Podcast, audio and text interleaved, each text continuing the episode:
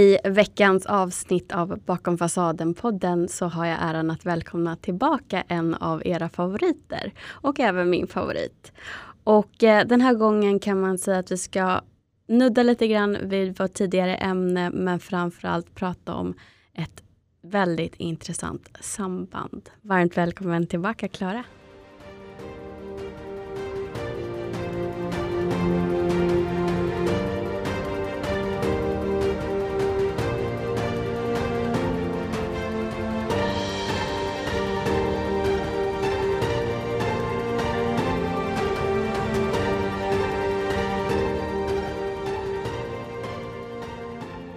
Så jättemycket.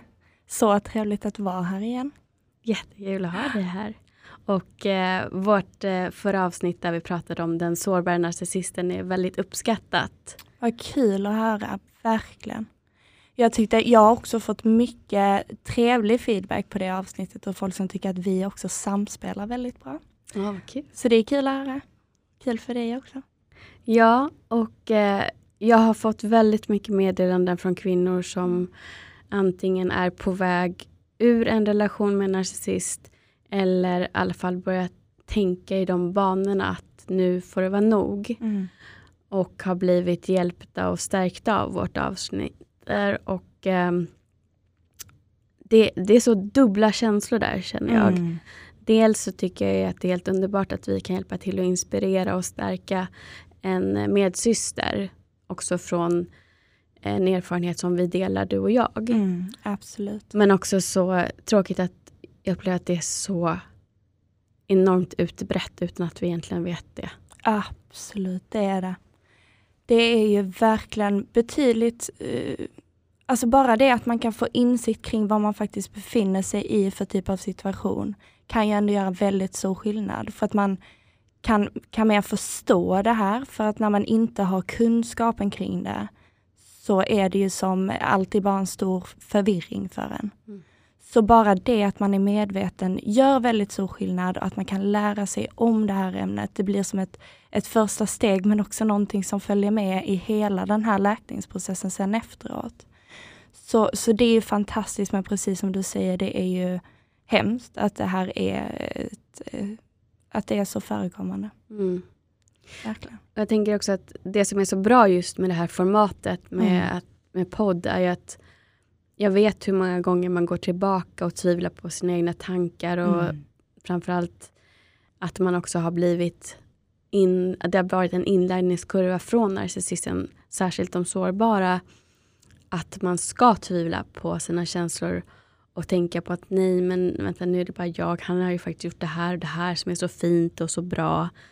Ehm, och då kan man ju lyssna om och om igen tänker jag på vårt avsnitt och faktiskt få ren fakta.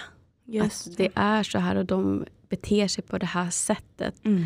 Till skillnad från den här grandiosa öppna narcissisten som man inte kanske tvivlar lika mycket på men blir nedbruten på ett annat sätt av. Just det. Och man behöver ofta gå tillbaka till, till den här informationen och mata in det.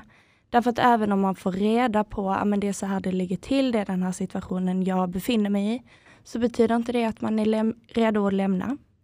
Är man en väldigt empatisk person, vilket många är som hamnar i de här relationerna, så vill man ju ofta, man vill inte sluta tro på det här hoppet om att ah, men det kanske kan bli bättre ändå, eller det kanske inte är så farligt som jag tror nu, precis som du säger, att man börjar tvivla.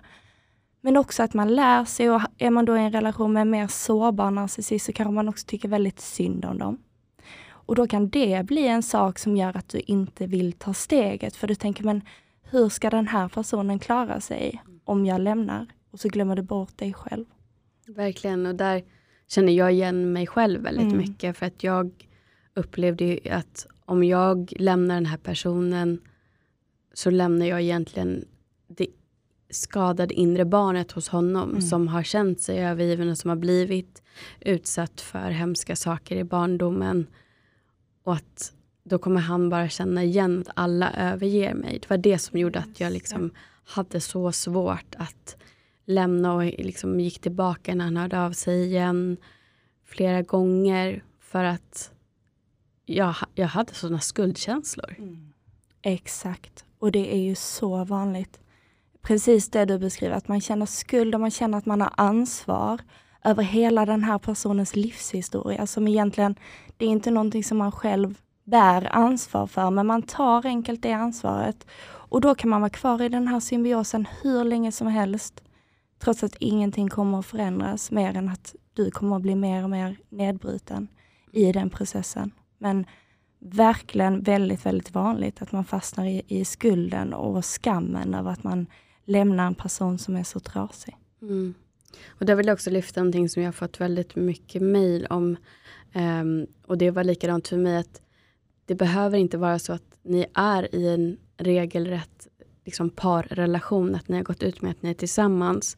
Utan det är också väldigt vanligt att de här människorna har flera stycken kvinnor samtidigt som de liksom håller hoppet vid liv att det ska bli ni någon gång framöver när de har börjat i terapi eller de har gjort det här och det här för att de är ganska öppna med att de inte känner sig hela. Mm. Att de har varit med om saker. Eh, och det får ju också oss som, som väntar på dem helt mm. enkelt att eh, stanna kvar fast vi faktiskt egentligen inte får någonting. Exakt. Utan de, de håller på med det här breadcrumbing mm. och, och sen försvinner och det fram och tillbaka. Och det de gör när de försvinner är ju att de håller någon annans hopp vid liv. Mm. För att det går inte att göra för mycket samtidigt. Och sen så vet jag ju också att jag har varit liksom iväg på sportevenemang och det har varit liksom mässande med, med andra kvinnor samtidigt och sånt där. Men jag tyckte ju att ja, men vi har inte sagt att vi är tillsammans. Och vi har sagt att vi ska träffa andra mm. och, och, sådär. Mm. För det var en sån period då när vi skulle bara försöka vara vänner. Fast det var ju ändå hela tiden det här makten. Så att eh, jag tror att jag ville säga det bara för att jag mm. vet nu att jag har fått så många meddelanden av kvinnor som mm. eh, har svårt att ens lämna det för att de tänker att ja, det är bara jag och, och skuldbelägger sig själva ja. och, och, sådär. Ni är inte ensamma i den situationen heller. Inte alls. Utan det är jättevanligt men det är minst lika viktigt att lämna. Ja. Och det handlar ju jättemycket om att man lever vid det här hoppet. Och det är ju det som håller en kvar. Man lever vid hoppet om att eh, snart så blir det bättre eller snart så blir det vi eller eh, den här personen beter sig så här mot mig nu men ibland så kommer ju den här belöningen som gör att man får upp det här hoppet hela, hela tiden och sitter och väntar på den här stora vinstlotten, för det är det det handlar om. Och man vet att det kan finnas en så enormt stor vinstlott mm. om den här personen bara går in i den här relationen helhjärtat. För det är bilden man har, det är fantasi man har byggt upp kring personen och relationen. Eh, och man ser ju sällan sanningen. Dels för att man inte vill, men det kan också finnas massa bakomliggande faktorer till att man inte ser sanningen och har svårt för att göra det. Mm. Och det leder oss lite in på faktiskt eh, dagens ämne. Just det. Att eh, på andra sidan bordet då så sitter ju då väldigt ofta en kvinna, eh, men det kan vara man, men om vi bara mm. generaliserar och säger att ofta en kvinna som har ett kärleksberoende mm. och omedvetet hela tiden lever i en fantasi. Och då blir det ju perfekt för den här, särskilt den dolda narcissisten, att eh, fylla på och göda den här drömmen som kvinnan sitter och lever i. Just det. Och där har ju du faktiskt gjort ett arbete också. Ja, ah, precis. Jag gjorde ett arbete där jag undersökte sambandet mellan narcissism och love addiction, det vill säga kärleksberoende. Jag skrev mycket love addiction i det här arbetet, så jag kanske blandar de här lite grann. Men eh, där undersökte jag och då använde jag faktiskt ett eh, mätverktyg som delade in narcissism i två korrelerade dimensioner. Så att den ena var narcissistisk beundran, vilket handlar mer om hur narcissisten fångar in dig och är charmiga och trevliga, hur de får beundran helt enkelt. Och den andra dimensionen var narcissistisk rivalitet och det är den mer antagonistiska eh, delarna av narcissism. Så lite mer åt den sårbara formen av narcissist. Och eh, sen så undersökte jag utifrån de här dimensionerna då och såg om det här korrelerade med, det vill säga om det fanns ett samband med kärleksberoende. Och då var ju tanken att ja, men narcissister behöver ju spegling. Mm. De behöver någon som, som finns där och som beundrar dem, som bekräftar dem, som kan fylla upp den här inre kroniska tomheten, vilket inte går, men vilket eh, de hoppas på. Men sen så blev det ju också intressant att undersöka kärleksberoende kopplat till narcissistens partner. Mm. För att man kan ju också tänka sig att båda parterna eh, kan ha inslag av det här eller faktiskt lida av ett kärleksberoende. Och det jag fann då var eh, ganska intressant, för först tänkte jag att narcissistisk beundran var det som skulle korrelera med kärleksberoende. Men det var faktiskt narcissistisk rivalitet, det vill säga det här mer antagonistiska. Och man har eh, pratat lite om det här, det är fortfarande inte speciellt utforskat, utan det är ganska, ganska kontroversiellt fortfarande, det här med kärleksberoende. Men man har funnit att det då eventuellt finns en form av kärleksberoende som heter narcissistiskt kärleksberoende. Och det handlar mycket om hur de kanske då framstår som att de bara är i relationen för deras egen skull. Men hur de använder då makt och kontroll för att bibehålla en partner. Och, och den här eh, eh, kärleken då, och är det så att partnern försöker lämna dem så kan det innebära mycket hot och, och, och sådär, att de använder den typen av strategier. Och i och med att den sårbara narcissisten kännetecknas av mer eh, låg självkänsla och sådär, och det är ofta eh, de sakerna då som kan, som kan leda till ett beroende, så känns ju det så här i efterhand väldigt rimligt att det var just det som, som korrelerade. Men det starkaste sambandet var mellan narcissistens partner och kärleksberoende. Där, det också, där vi också fann ett, ett ganska starkt samband. Mm. Vilket är intressant. Och eh, vissa kanske undrar då, vad innebär kärleksberoende? Och kärleksberoende handlar ju väldigt mycket om en besatthet kring den perfekta romansen. Det handlar mycket om fantasier kring den här passionerade kärleken, att man ska hitta the one, men egentligen så vill man aldrig riktigt hitta the one. Och man tänker att det här handlar om att man är beroende av kärlek. Men det man egentligen är beroende av är den beundran man kan få genom en kärleksrelation. Mm. Så det är en slags, man vill uppnå någon slags självaktualisering, det vill säga att man från grunden då kanske känner väldigt lågt självvärde och känner att man saknar identitet. Och då behöver man ständigt en person vid sin sida för att på något sätt försöka uppnå det. Så att man vill rädda sig själv, men upplever inte att man kan göra det på egen hand, utan behöver därför alltid ha en potentiell kärlek vid sin sida. Så att de här personerna som är kärleksberoende är villiga att gå hur långt som helst för kärlek. Har de ingen person vid sin sida så känner de sig ofta ångestfyllda, eh, deprimerade och, och väldigt tumma inombords för att de alltid behöver den här formen av spegling. Mm. Och för de här människorna kan allt räknas som kärlek, det vill säga en interaktion kan, kan anses vara kärlek. Ett one night stand som du aldrig kommer träffa igen är kärlek. Um, och sådär, så att det är väldigt små saker. Det behöver inte heller vara en person som du känner, utan det här kan vara en främling som du möter på stan eller någon som du ser på TV som blir en fixering. Och i och med att de här personerna idealiserar det här kärleksintresset, så är de också villiga att se förbi varningsflaggor eller saker och ting som dyker upp, trots att personen kanske drar sig undan och inte visar samma intresse tillbaka, så håller de ändå kvar och, och vill stanna kvar ändå för att, um, för att de är fixerade vid den här personen, har idealiserat personen också. Men kan också snabbt tröttna när den här initiella eh, smekmånadsfasen är över och då börjar leta nya kärleks, eh, potentiella kärlekspartners direkt och ha flera på gång samtidigt. Eh, så det, det här är personer som till exempel säger fraser som eh, “jag kan inte leva utan dig” eller “du gör mig hel”.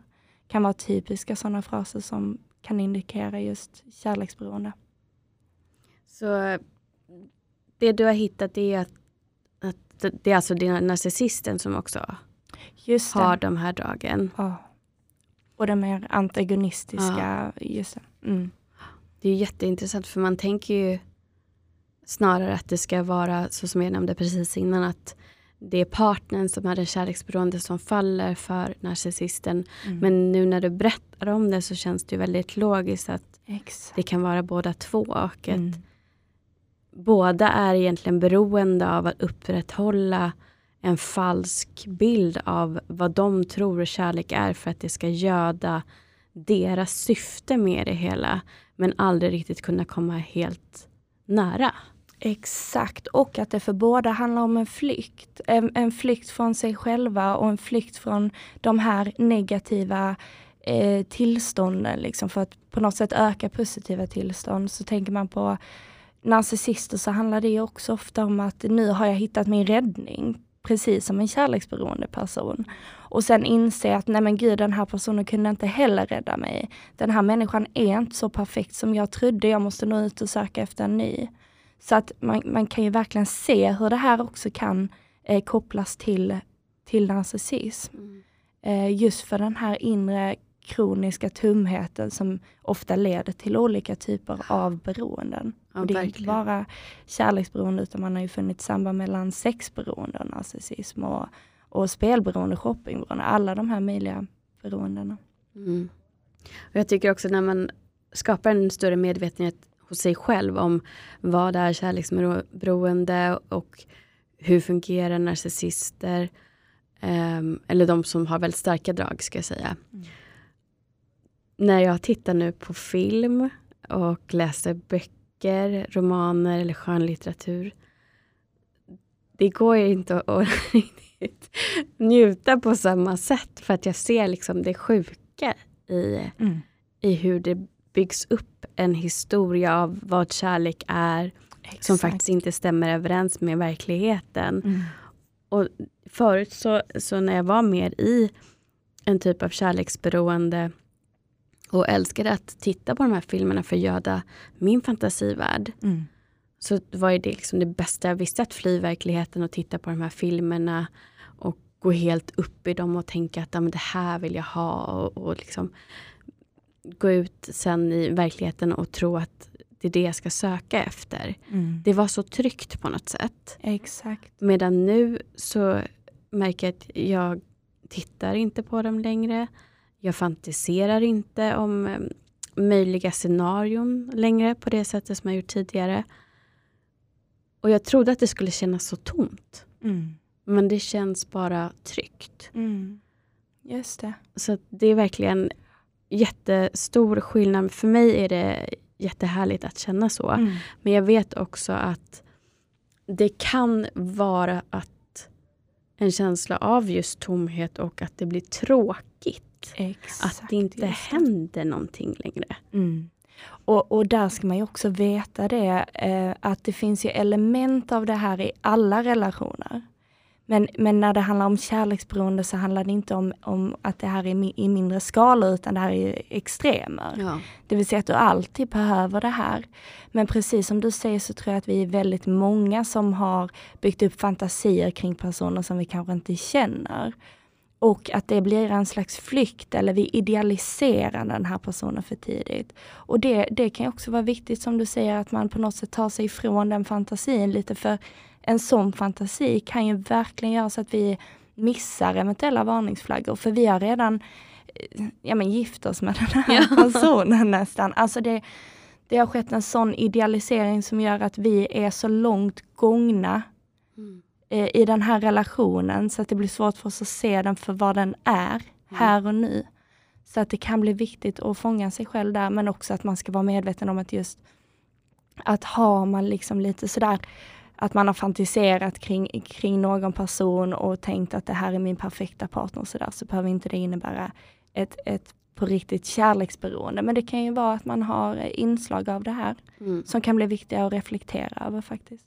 Ja, generellt så medvetenhet kommer ju hjälpa dig att Ja. se dina egna mönster och var någonstans du är. Och det behöver inte vara liksom precis som med eh, andra typer av beroende så finns det ju kategoriseringar där. Att det kan vara missbruk och det kan vara riskbruk. Mm. Så jag tänker att det appliceras ju även på den här typen av beroende. Att det Ja. kan också vara så att man kanske inte liksom är 100% eller 110% inne i det i hela full blown. Så, men att det blir ändå ett riskbruk så att man kan faktiskt, det kan vara värt att reflektera över. Absolut. Särskilt om man känner att man faktiskt inte hittar en relation eller går så långt när man träffar någon att man hamnar där man egentligen drömmer om att vara i Mm. en relation. För att man fortfarande använder det här som ett flyktbeteende som du var inne på. Exakt, just det. Jag tänkte på någonting kring det du sa, men det här handlar ju också jättemycket om det här att man är villig att ge och ge och ge. Det här är, det är väldigt mycket people pleasing Mm. eh, hos de här personerna som är kärleksberoende och det innebär ju också att du gå med på saker som du kanske egentligen inte vill. Och det kan handla om, om, om eh, liksom hur den här relationen definieras men det kan också handla om att din partner kanske har vissa sexuella fantasier som du inte är trygg med men där du ändå går med på det här för du vill ju också göra allt för att tillfredsställa din partner och din partners fantasier. Allt för att behålla det här kärleksintresset. Mm. Så, så det är eh, absolut precis som du säger bra att ha medvetenhet och jag tror mycket handlar också om att när vi börjar tänka in sådär i framtiden kanske eller eh, fantisera bort liksom där vi hamnar någonstans eh, långt borta från nuet. Att man också påminner sig själv om att ta, ta sig tillbaka till stunden. Och när man upplever att "Ah, men nu försvinner jag iväg, nu är jag redan på steg fem innan vi har börjat dejta på riktigt, att man sätter sig ner och känner in var befinner jag mig här och nu. Och att man också vågar det, vara i nuet, inte fly för att man ska också vara medveten om att alla vi människor är beroende. Och det vi är beroende av, det är att fly från våra tankar och känslor.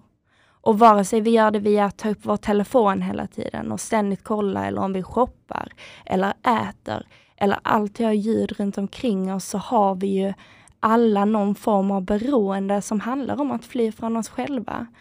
Och att det där blir viktigt, att man, att man också vågar vara i tystnad och bara sitta i nuet med sina tankar och känslor och bearbeta dem, för det kommer att minska risken för den här typen av beteende väldigt mycket. Verkligen, Jätte, jättebra punkt och jag märker verkligen själv på mitt välmående sen jag har börjat göra det. Mm. Eh, Att jag får en större trygghet också av att hela tiden veta vad det är som händer inuti mig. För att jag stannar upp, lyssnar in och reflekterar över det. Och också att jag har lärt mitt nervsystem att det är tryggt att göra det. Att det behöver inte betyda att det finns någon smärta där som kommer bara krossa mig helt plötsligt. Utan jag har blivit trygg med att lyssna in helt enkelt. Mm. Istället för att om det skulle vara någonting som gjorde ont, att jag trycker bort det, trycker bort det, trycker bort det. Det gör ju bara att smärtan blir större och större och större för att den inte får utlopp. Mm. Och det är likadant med alla typer av känslor. Och jag vet också att det var eh, tack till dig som eh, taggade på Instagram nu i veckan att eh, du taggade mig och eh, Linnea Molander som har Happy Dating och skrev att vad är det ni brukar säga att man ska sitta kvar och känna känslan. Mm. Och då tänkte jag vad härligt att det har nått fram det budskapet för att Mm. jag vet att ibland så blir det inte riktigt som man har tänkt sig för att man helt enkelt inte är van vid att sitta och känna känslan Mm. och kanske inte riktigt vet vad det innebär. Och det är precis som med allt, allt nytt. Du måste ju öva. Det är likadant om du lär dig Exakt. cykla. Så att försök igen och igen och är det så att den kopplar, kroppen kopplar på en ångest istället för att du kan sitta och gråta till exempel eller sitta och skrika en kudde för att du är arg. Då handlar det egentligen om att din kropp fortfarande får signaler om att det här är någonting de ska skydda dig ifrån. Mm. Och då blir ångesten skapad på grund av att du är rädd för att göra det som du har satt dig för att göra, det vill säga känna känslan. Just det. Så försök igen Mm. och försök att sitta med lilla rädda du Mm. eh, en liten stund och bara tänka att du kramar dig själv. Om du kan hitta tillbaka Exakt. till den lilla tjejen eller lilla killen Just som är rädd. Så kommer det kännas lättare varje gång du gör det. Mm. Och det är ju jättebra det du säger, det här med att omfamna sig själv. Och det är vi inte så duktiga på. Vi är kanske väldigt bra på att göra det med folk i vår omgivning. Eh, vilket också handlar om det här att man kanske är väldigt bra på att ge, men man är inte så bra på att ge till sig själv, utan där glömmer vi bort oss själva. Och när vi reagerar starkt på något eller känner något väldigt starkt så handlar det ofta om att ett kärnsår inom oss har blivit aktiverat. Och våra kärnsår blir vi inte av med. Men vi kan lära oss att omfamna dem. Mm. Så att, ja, att göra sig medveten och öva precis som du säger, det här är inte så lätt och det kräver också disciplin. Därför att jag vet själv när man börjar bläddra någonstans och, och sitter med telefonen kanske och sen hinner det gå en massa tid och så tänker man, men nu ska jag sätta mig och stanna upp och kolla upp. Men det är inte så enkelt när man har den här belöningen hela tiden i sin hand, så det kan också vara svårt att ta det steget och verkligen prata och säga högt till sig själv att nu gör jag det här. Och det behöver inte vara så länge, man kan säga till sig själv att ja, men fem minuter ska jag sätta mig och känna in. Därför att gör vi det alldeles för stort så, så skjuter vi gärna upp på det. Så det kan vara bra att sätta en, en mindre tidsram för dig själv. Att ja, jag börjar, du kanske till och med vill börja tre minuter. Ja, men då är det jättebra och beröm dig själv för att du satt de där tre minuterna och stirrade ut genom fönstret eller tittade in i en ljuslåga eller vad du nu än gör och verkligen att du tillät dig själv att ha den stunden för dig själv mm. och, och för att känna in det här. Ja, för att det hjälper också, tänker jag, att lära känna sig själv mm. och lära känna sina egna behov. Som också är väldigt viktigt när det är tillfriskande av medberoende. Jag upplever att medberoende och kärleksberoende mm. ofta kan gå hand i hand. Att det, ja. man har ofta både och. Ja, man kan säga eh, kortfattat att en, kär, en person som är kärleksberoende är också alltid medberoende. Men en medberoende person är inte alltid kärleksberoende. Men det är, är väldigt nära, absolut. Och, och det här, den här svårigheten med var, var börjar jag och var slutar du liksom på något sätt, att allting går ihop. Och dina behov blir mina behov och dina känslor blir mina känslor. Så att absolut. Mm. Där um, tycker jag att det finns en bra övning bara för att konkretisera för sig själv. Att man kan ta ett vanligt vitt blankt papper och en penna och rita som en fotbollsplan. Mm. Eh, jag gick till eh, Nathalie Taube som är livscoach för några år sedan som gjorde just den här. När jag hade svårt att hålla mig på min planhalva. Mm. Eh, och eh, att få det så tydligt uppritat för sig att nej, nu är du inne på den här personens planhalva och försöker lösa problemen. Mm. Men har de bett dig om hjälp? Just det. Har det uttryckts ett behov eller har du bara uppfattat ett behov som du vill möta utan att känna efter, har jag kapacitet mm. till att finnas där för den här personen så mycket som jag rusar in och gör? Orkar jag verkligen det? Har jag gett mig själv energi först? Att det är så många frågor mm. man ska ställa sig, både för sin egen skull men också faktiskt för den andra. Absolut. För det kan ju vara så att den som du är medberoende till är inte alltid en person som har ett missbruk eller eh, är liksom skadad, trasig, whatever du vill kalla det. Utan det kan vara så att du har det här som ett nedärvt beteende från någonting tidigare som du liksom ja, lägger på alla människor runt omkring dig omedvetet mm. och så blir du helt utbränd. Exakt. Exakt. Och det är en väldigt bra liknelse det här med att, att komma ihåg att nu är jag över på den planhalvan igen. Och har man ett mönster av det här så sker det ofta per automatik. Ja. Det vill säga man börjar direkt och så hör man någonting och så tänker man åh men jag ska rädda det här eller jag ska hjälpa dig med det här. Men precis som du säger, har de bett om det? Och sen också att vara liksom, att skydda sin egen energi, sitt eget. För att när vi alltid ska hjälpa alla andra så finns det ju aldrig heller någon tid över till oss själva. Mm. Och i just sådana situationer så är det ju extra viktigt för oss att ge så mycket energi och uppmärksamhet som vi kan till oss själva för att vi behöver ju egentligen läka något inre hos oss själva, precis som du är inne på, att det här kan vara ett mönster från barndomen. Att man alltid ville hjälpa för det var så man kände sig sedd och behövd och förtjänt av kärlek. Så att när man är på väg dit, över till den andra planhalvan, att då lära sig att stanna upp sig själv och säga, vänta vad behöver jag ge mig själv just nu? Vad är det nu som aktiveras här inom mig? Är det en känsla av otillräcklighet? Är det att jag vill bli bekräftad? Och vad handlar det här egentligen om? Mm. Jätteviktigt att fråga sig det där mm. faktiskt. Verkligen. Och det, det, det, är en start till ett uppvaknande som du aldrig någonsin kommer ångra. Mm. Exakt. Absolut. Och, och till en känsla av frihet på något Mm. sätt. Att, att kunna ge sig själv det. För att både när vi pratar om kärleksberoende och medberoende, alla de här delarna, det handlar ju mycket om att vi söker något i det externa som ska fylla upp oss inombords. Och alla de känslorna som du kan känna genom externa saker har ju du inom dig. Så där handlar det också om att lära sig att kunna aktivera dem utan det här externa och hitta dem inom dig. Och alla de där känslorna exempelvis som du kände för narcissisten, ja men det är ju kärlekskänslor som du kan aktivera. Om du arbetar på det och lär dig och ger det till dig själv.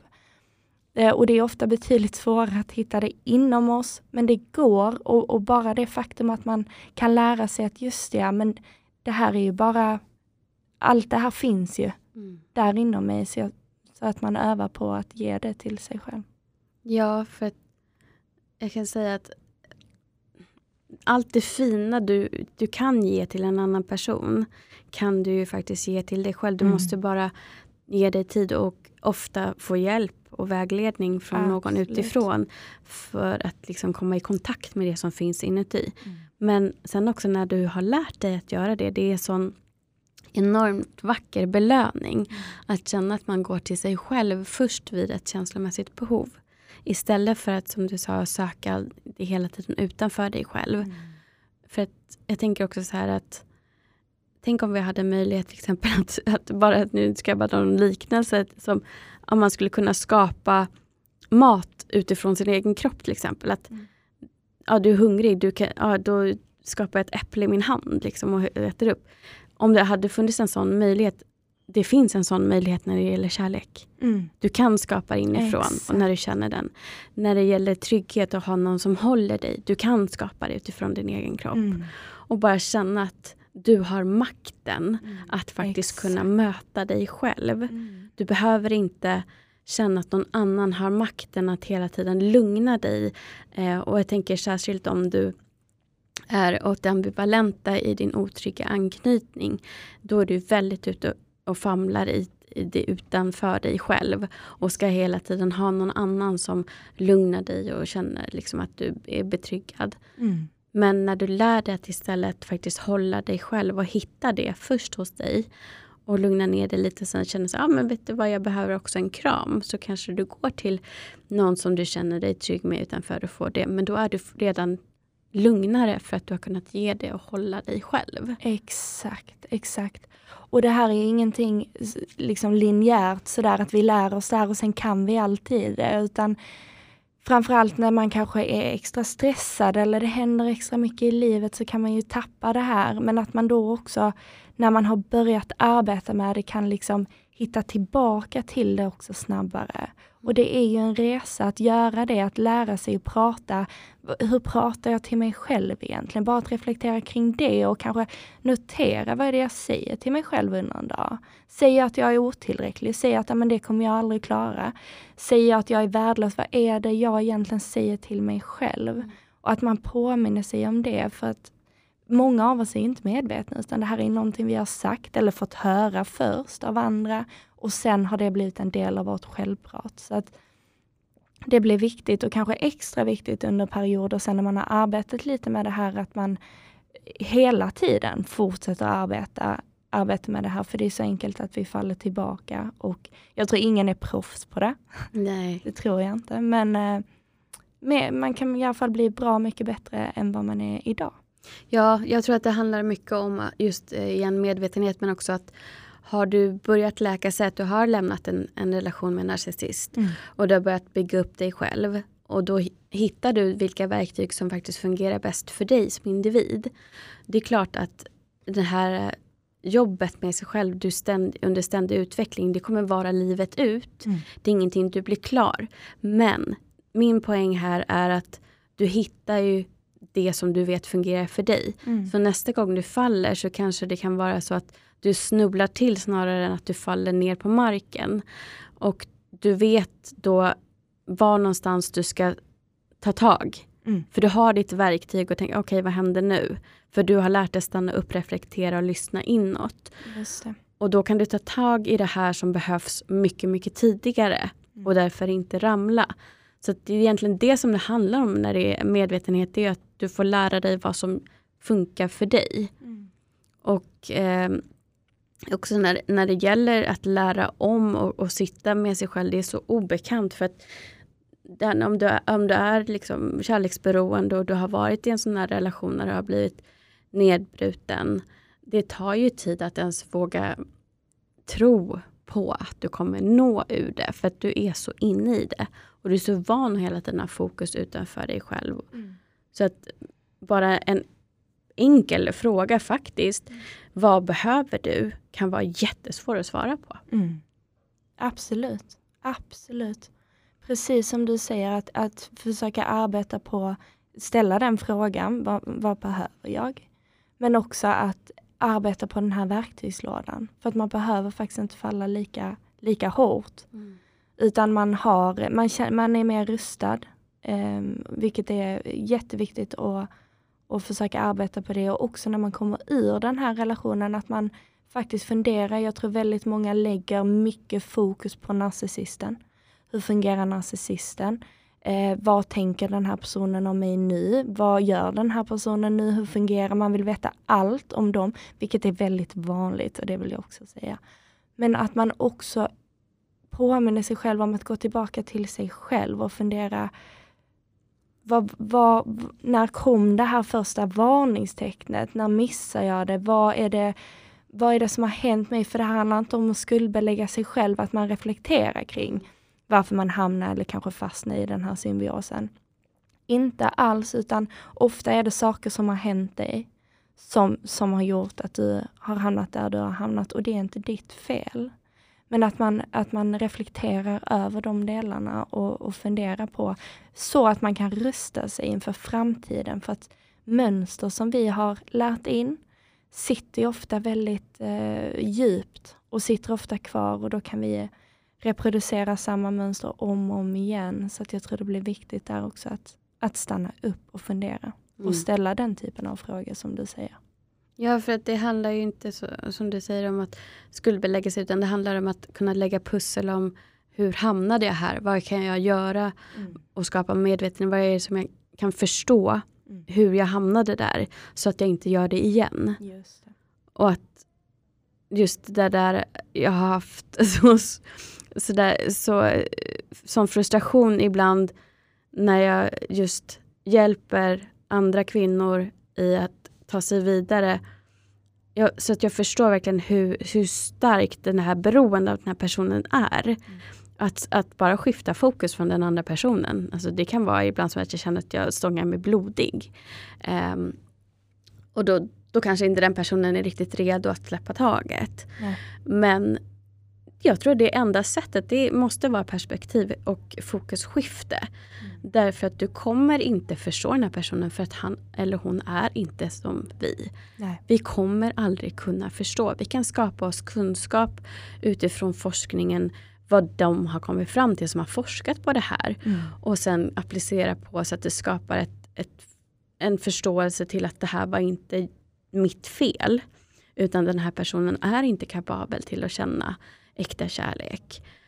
Till exempel. Exakt. Men då måste man också hitta någonstans en acceptans till det att okej, okay, det är så här. Det var inte mig det var fel på. Och kunna lämna det och gå vidare och som du säger, rusta dig själv för framtiden så att du inte hamnar där igen. Utan mm.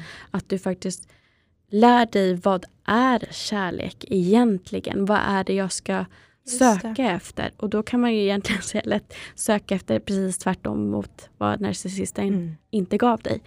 Sök efter någon person som säger och handlar likadant, att det korrelerar. Mm. Att eh, de, om de säger att de ska göra någonting, att de också gör det. Mm. Att de visar konsekvent att de finns där. Exakt. Att du inte behöver tvivla på att det finns ett intresse för att den personen visar det med handling. Mm. Lita inte särskilt mycket på ord, i alla fall inte i början. Nej. Utan titta på hur agerar den här personen?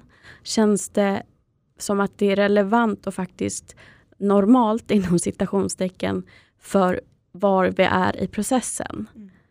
Är det så att ni fortfarande lär känna varandra och hörs varje dag och berättar om hur ni tänker i olika avseenden, kanske ses någon gång i veckan. Det är ta det lugnt, liksom den här slow candle burning. Ja men jättebra. Var i nuet och lär av det. Mm. Istället för allt som ni lär er när ni lyssnar på poddar och tittar på Klaras eh, Youtube och sånt där och lär er narcissisten som blir det första reaktionen ofta. Mm. Och det gjorde jag också. Mm. Bara knarka ja, den här informationen och bara, jag måste fatta. Men ja. också sen släpper det och försöker lära om. Ja. För att det, jag tror att det är jätte, jätteviktigt att man gör, och jag hoppas kunna liksom föregå med gott exempel där, att kunna släppa det som att okej, okay, nu förstår jag vad, vad, som hände men jag vill faktiskt framåt. Jag vill fortfarande bli lycklig. Eh, och lära sig saker men också faktiskt gå ut och utföra det i praktiken. Mm. Börja dejta igen. Börja eh, lära om på det praktiska sättet som du faktiskt bara kan göra genom att börja dejta igen. Och lär då om mm. as you go. Ja. Absolut. Jag tror, jag tror ett bra första steg blir att försöka ställa sig själv frågor som Vem är jag? Vad tycker jag om att göra? För det handlar också mycket om att bryta sig loss. Du har ofta inte tänkt speciellt mycket på vad vill du? Nej. Vad vill du göra? Eh, vad är din favoritfärg? Det kan vara små saker men att du börjar med att försöka hitta det igen. För det är behov som du har lagt åt sidan, dina egna helt enkelt. Eh, och att man självklart senare då också ska ge sig ut och dejta men att det blir väldigt viktigt att också tillåta sig själv att inte göra det precis under den här läkningsprocessen. Ja, ja absolut. För det går, det är så enkelt mm. att vi, vi fortfarande är kvar i någon typ av beroende och så hamnar vi i en ny eh, relation som, som grundar sig på en traumatisk bindning och vi är vana vid det här intensiva, snabba, passionerade. Det är fyrverkerier direkt mm. eh, och så bara flyger vi in i det igen för att vi tänker att det här är kärlek. Mm. För, för är man då också en person som, som är van vid det mönstret och så kommer det en ganska hälsosam person som tar det lite långsamt, kommer inga presenter, skickar något litet tråkigt meddelande och, och vi är vana vid någon lite större trevligare novell. Så kommer vi direkt att tänka, men det här kanske är en jättebra kompis men det är ingen kärlek. Mm. Det här är inte kärlek. Så att, men, men, precis som du säger sen att man arbetar på att omdefiniera kärlek och liksom vad innebär det och hur kan jag hitta en mer hälsosam form av kärlek. Mm. Um, och, och läka just den den delen av sig själv som känner det här behovet av att det ska vara fyrverkerier från första träffen. För jag tror det är väldigt vanligt också att man är Alltså det har forskning visat också att personer som faller för de här människorna kan ju också vara väldigt sensationssökande. Mm. Och då handlar det om både positiv och negativ stimuli. Så att det kan ju vara negativ stimuli kan ju vara saker som, som skräckfilm, men det kan också vara saker som drama. Att man upplever den här eh, passionen. Mm. Och ofta tänker vi på passion som ja, men det, det är fantastiskt ibland och sen blir det drama och bråk och sådär. Så att har man den delen av sig själv, man söker kickar, så, så kanske man också ska göra sig medveten om, om just det. För att det blir ofta väldigt attraktivt då när det händer väldigt mycket direkt i en ny relation. Mm. Ja, vad bra. Det känns verkligen som du kompletterar det som jag precis sa. Eh, jag tänker så här, man ska inte jämföra för mycket med, med kanske min resa därför att jag var ju liksom redan igång med terapi eh, och mycket av det här att lära mig mer och skapa större medvetenhet när jag mer eller mindre var inne i den här relationen också. Så att det blev ju att jag kanske fick lite försprång för mm. att jag fick hela tiden hjälp av att komma, min terapeut att komma framåt. Och kunde också förstå tidigare vad det var som hände igen. Eh, och också för att jag varit i en, en liknande relation med en öppen narcissist tidigare i livet. Eh, men så att man kan väl tänka så här att om det är kanske lite mer traditionellt att det är en relation man är i länge utan en medvetenhet och sen ska börja om från scratch mm. när man kommer ur. Eh, då är det jätteviktigt att göra allt det som Klara precis sa. Mm. Att låta det få ta tid att läka och skapa medvetenhet och hitta vem du är och hur du vill vara vad är autentiskt. Jag kan känna det nu att idag så finns det ingenting i mig som vill rubba att få vara jag. Nej, och det vill jag verkligen att alla ska få känna för det är en helt otroligt befriande känsla. Ja. och det gör ju också att det är lättare att se ja, nej till en, en potentiell relation.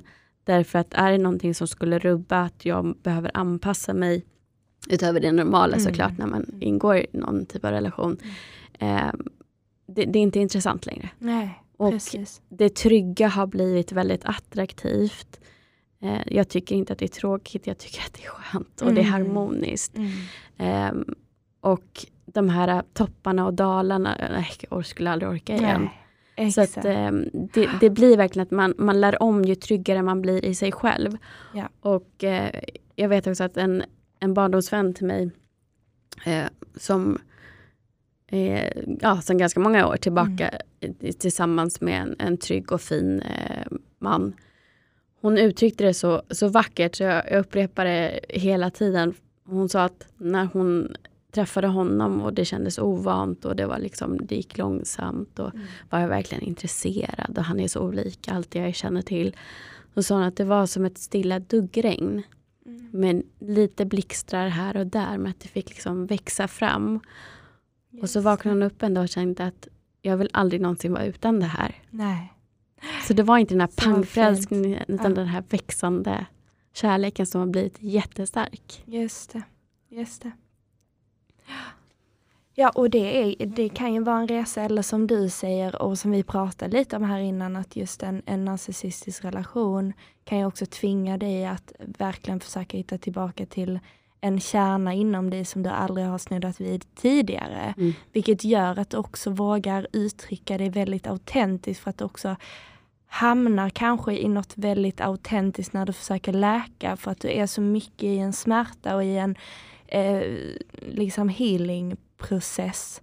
Så att du blir väldigt autentisk på så vis och kanske vågar visa känslor som du aldrig tidigare har vågat visa. Mm. Så det kan ju också vara någonting som, som faktiskt kan vara väldigt bra efter en sån här relation. Att du på ett annat sätt vågar och känner att du inte har något att förlora. Genom att vara den du är på riktigt. Mm. Och det är ju absolut frihet att hitta det här autentiska.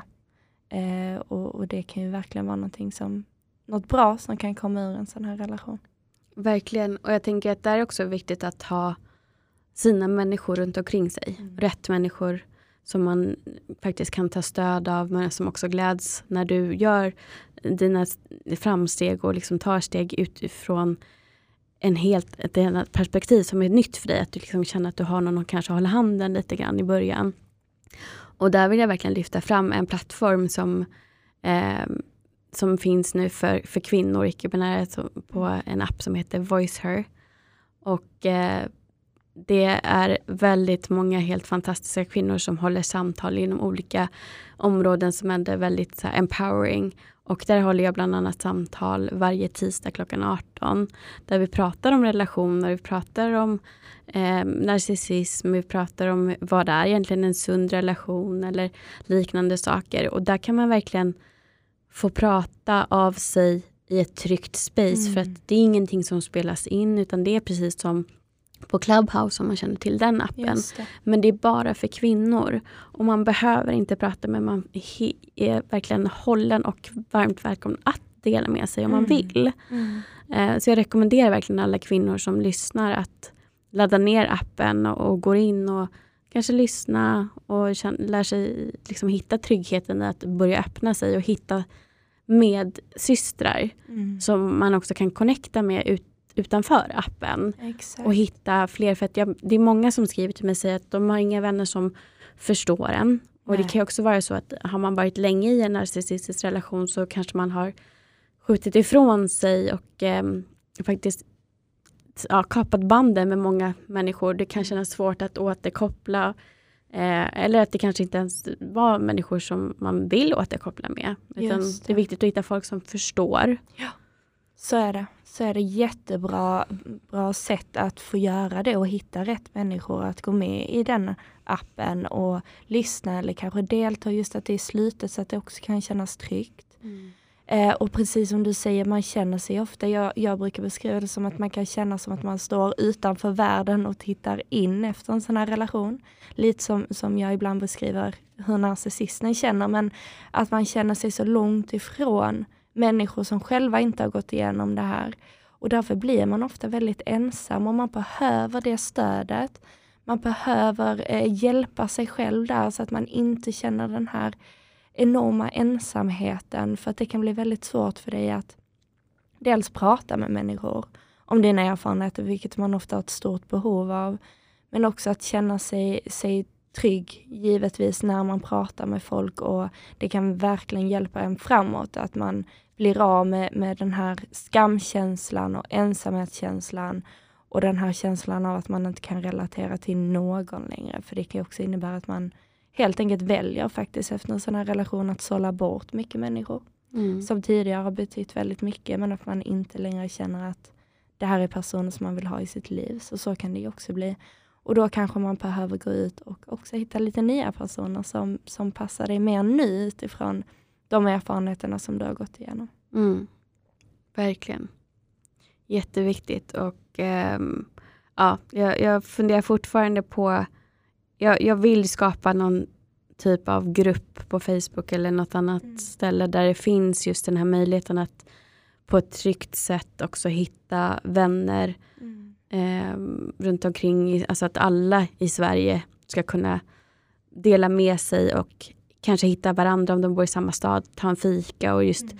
att hitta sin, sin tribe, sina människor. För att det är så himla viktigt också i tillfrisknande från kärleksberoende, medberoende eller utif att du kommer ut från en destruktiv relation. Att få känna att det här, det här är mina systrar som finns där för mig och vice versa. Verkligen, verkligen.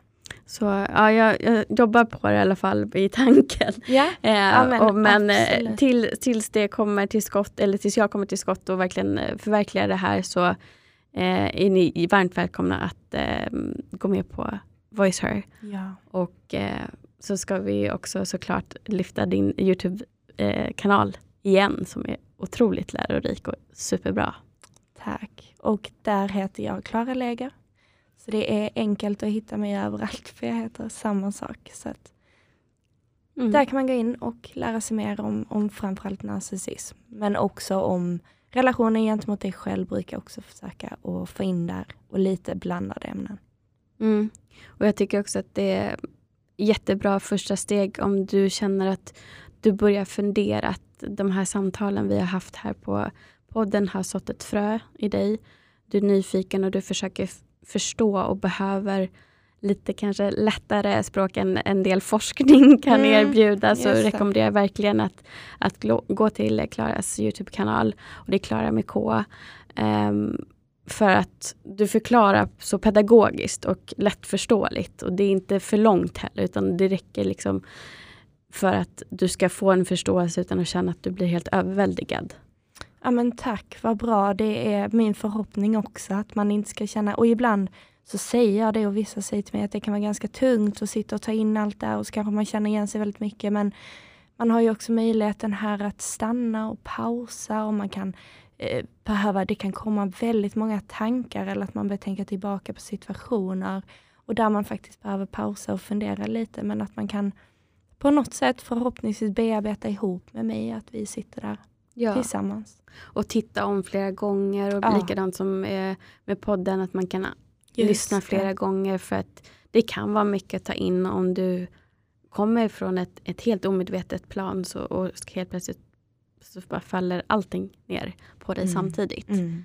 Så att, eh, var varsam med dig själv när, när du börjar vakna upp också. Absolut. Och jag menar här kan, på din podd kan man ju också hitta en, en massa ämnen som också kan följa den här eh, läkningsprocessen som både handlar om att läka dig själv men också att lära dig om ämnen. Så det är också jättebra. Som du säger att man kan lyssna om och om igen och att, all, att det faktiskt finns saker numera på internet som man kan hitta och lyssna på och som man kan ha i lurarna så att man inte känner sig så ensam som man ofta gör. Absolut, tack så mycket. Och jag hoppas verkligen att du som har lyssnat idag känner att, eh, om det har skapat stor igenkänning, att du vet att det här är också någonting som Klara och jag har gått igenom själva. Så att Ja. eh, det, du är långt ifrån ensam. Det finns otroligt många både män och kvinnor som har varit med om liknande situationer och liknande relationer. Så att vi behöver bara prata mer om det så att fler vågar öppna upp sig och dela och hitta just den här samhörigheten. Exakt, exakt. Tack så jättemycket Klara för att du varit här idag. Tack så jättemycket för att du ville ha med mig igen. Alltid så trevligt att komma hit och prata med dig. Ja, jag håller med. Jättehärligt. Och eh, tack till dig som lyssnar, delar och eh, fortsätter att eh, skapa syfte för den här podden. Tills vi hörs igen, ta hand om er.